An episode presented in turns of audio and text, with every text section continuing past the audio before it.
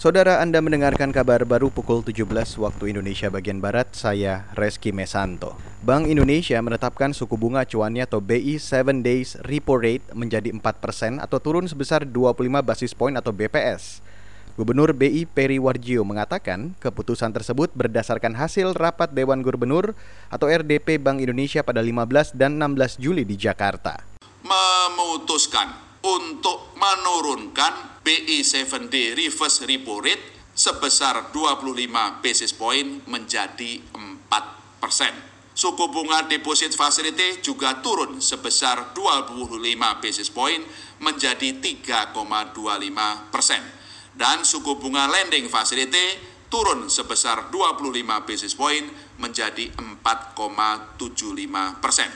Gubernur BI Peri Warjio menambahkan, suku bunga deposit facility dan lending facility juga ikut diturunkan di level 3,25 persen dan 4,75 persen. Ia mengklaim kebijakan itu telah dikalkulasi secara cermat dengan melihat kondisi ekonomi global dan domestik. Ia memastikan kebijakan Bank Sentral akan terus menjaga stabilitas nilai tukar rupiah di tengah ketidakpastian ekonomi global akibat COVID-19.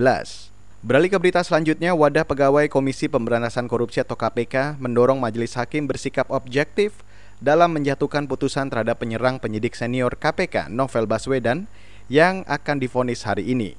Ketua WP KPK Yudi Purnomo mengecam keras proses persidangan yang ditengarai memiliki banyak kejanggalan. Banyaknya kontroversi proses persidangan ya, di mana salah satunya adalah tuntutan yang di luar nalar publik dengan hanya satu tahun, kemudian juga ada narasi tidak sengaja, kami mengkhawatirkan proses persidangan yang berlangsung ini yang tentu saja kami melihat bisa jadi ini berdampak terhadap vonis dari hakim.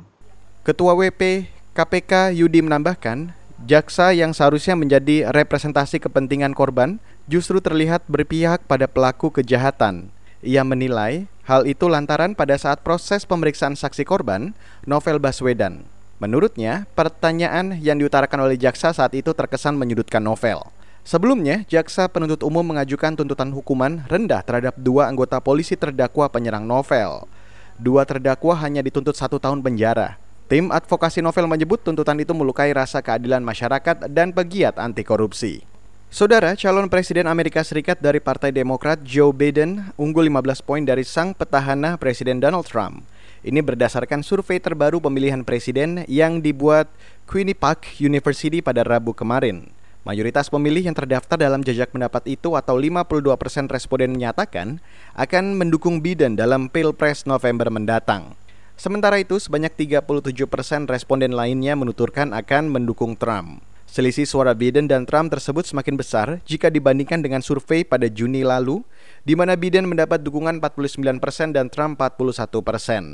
Selain dukungan, jajak pendapat itu mendapati bahwa semakin banyak pemilih yang kecewa dengan kinerja pemerintahan Trump, terutama terkait pelemahan ekonomi yang diperburuk penanganan pandemi virus corona. Demikian kabar baru KBR, saya Reski Mesanto.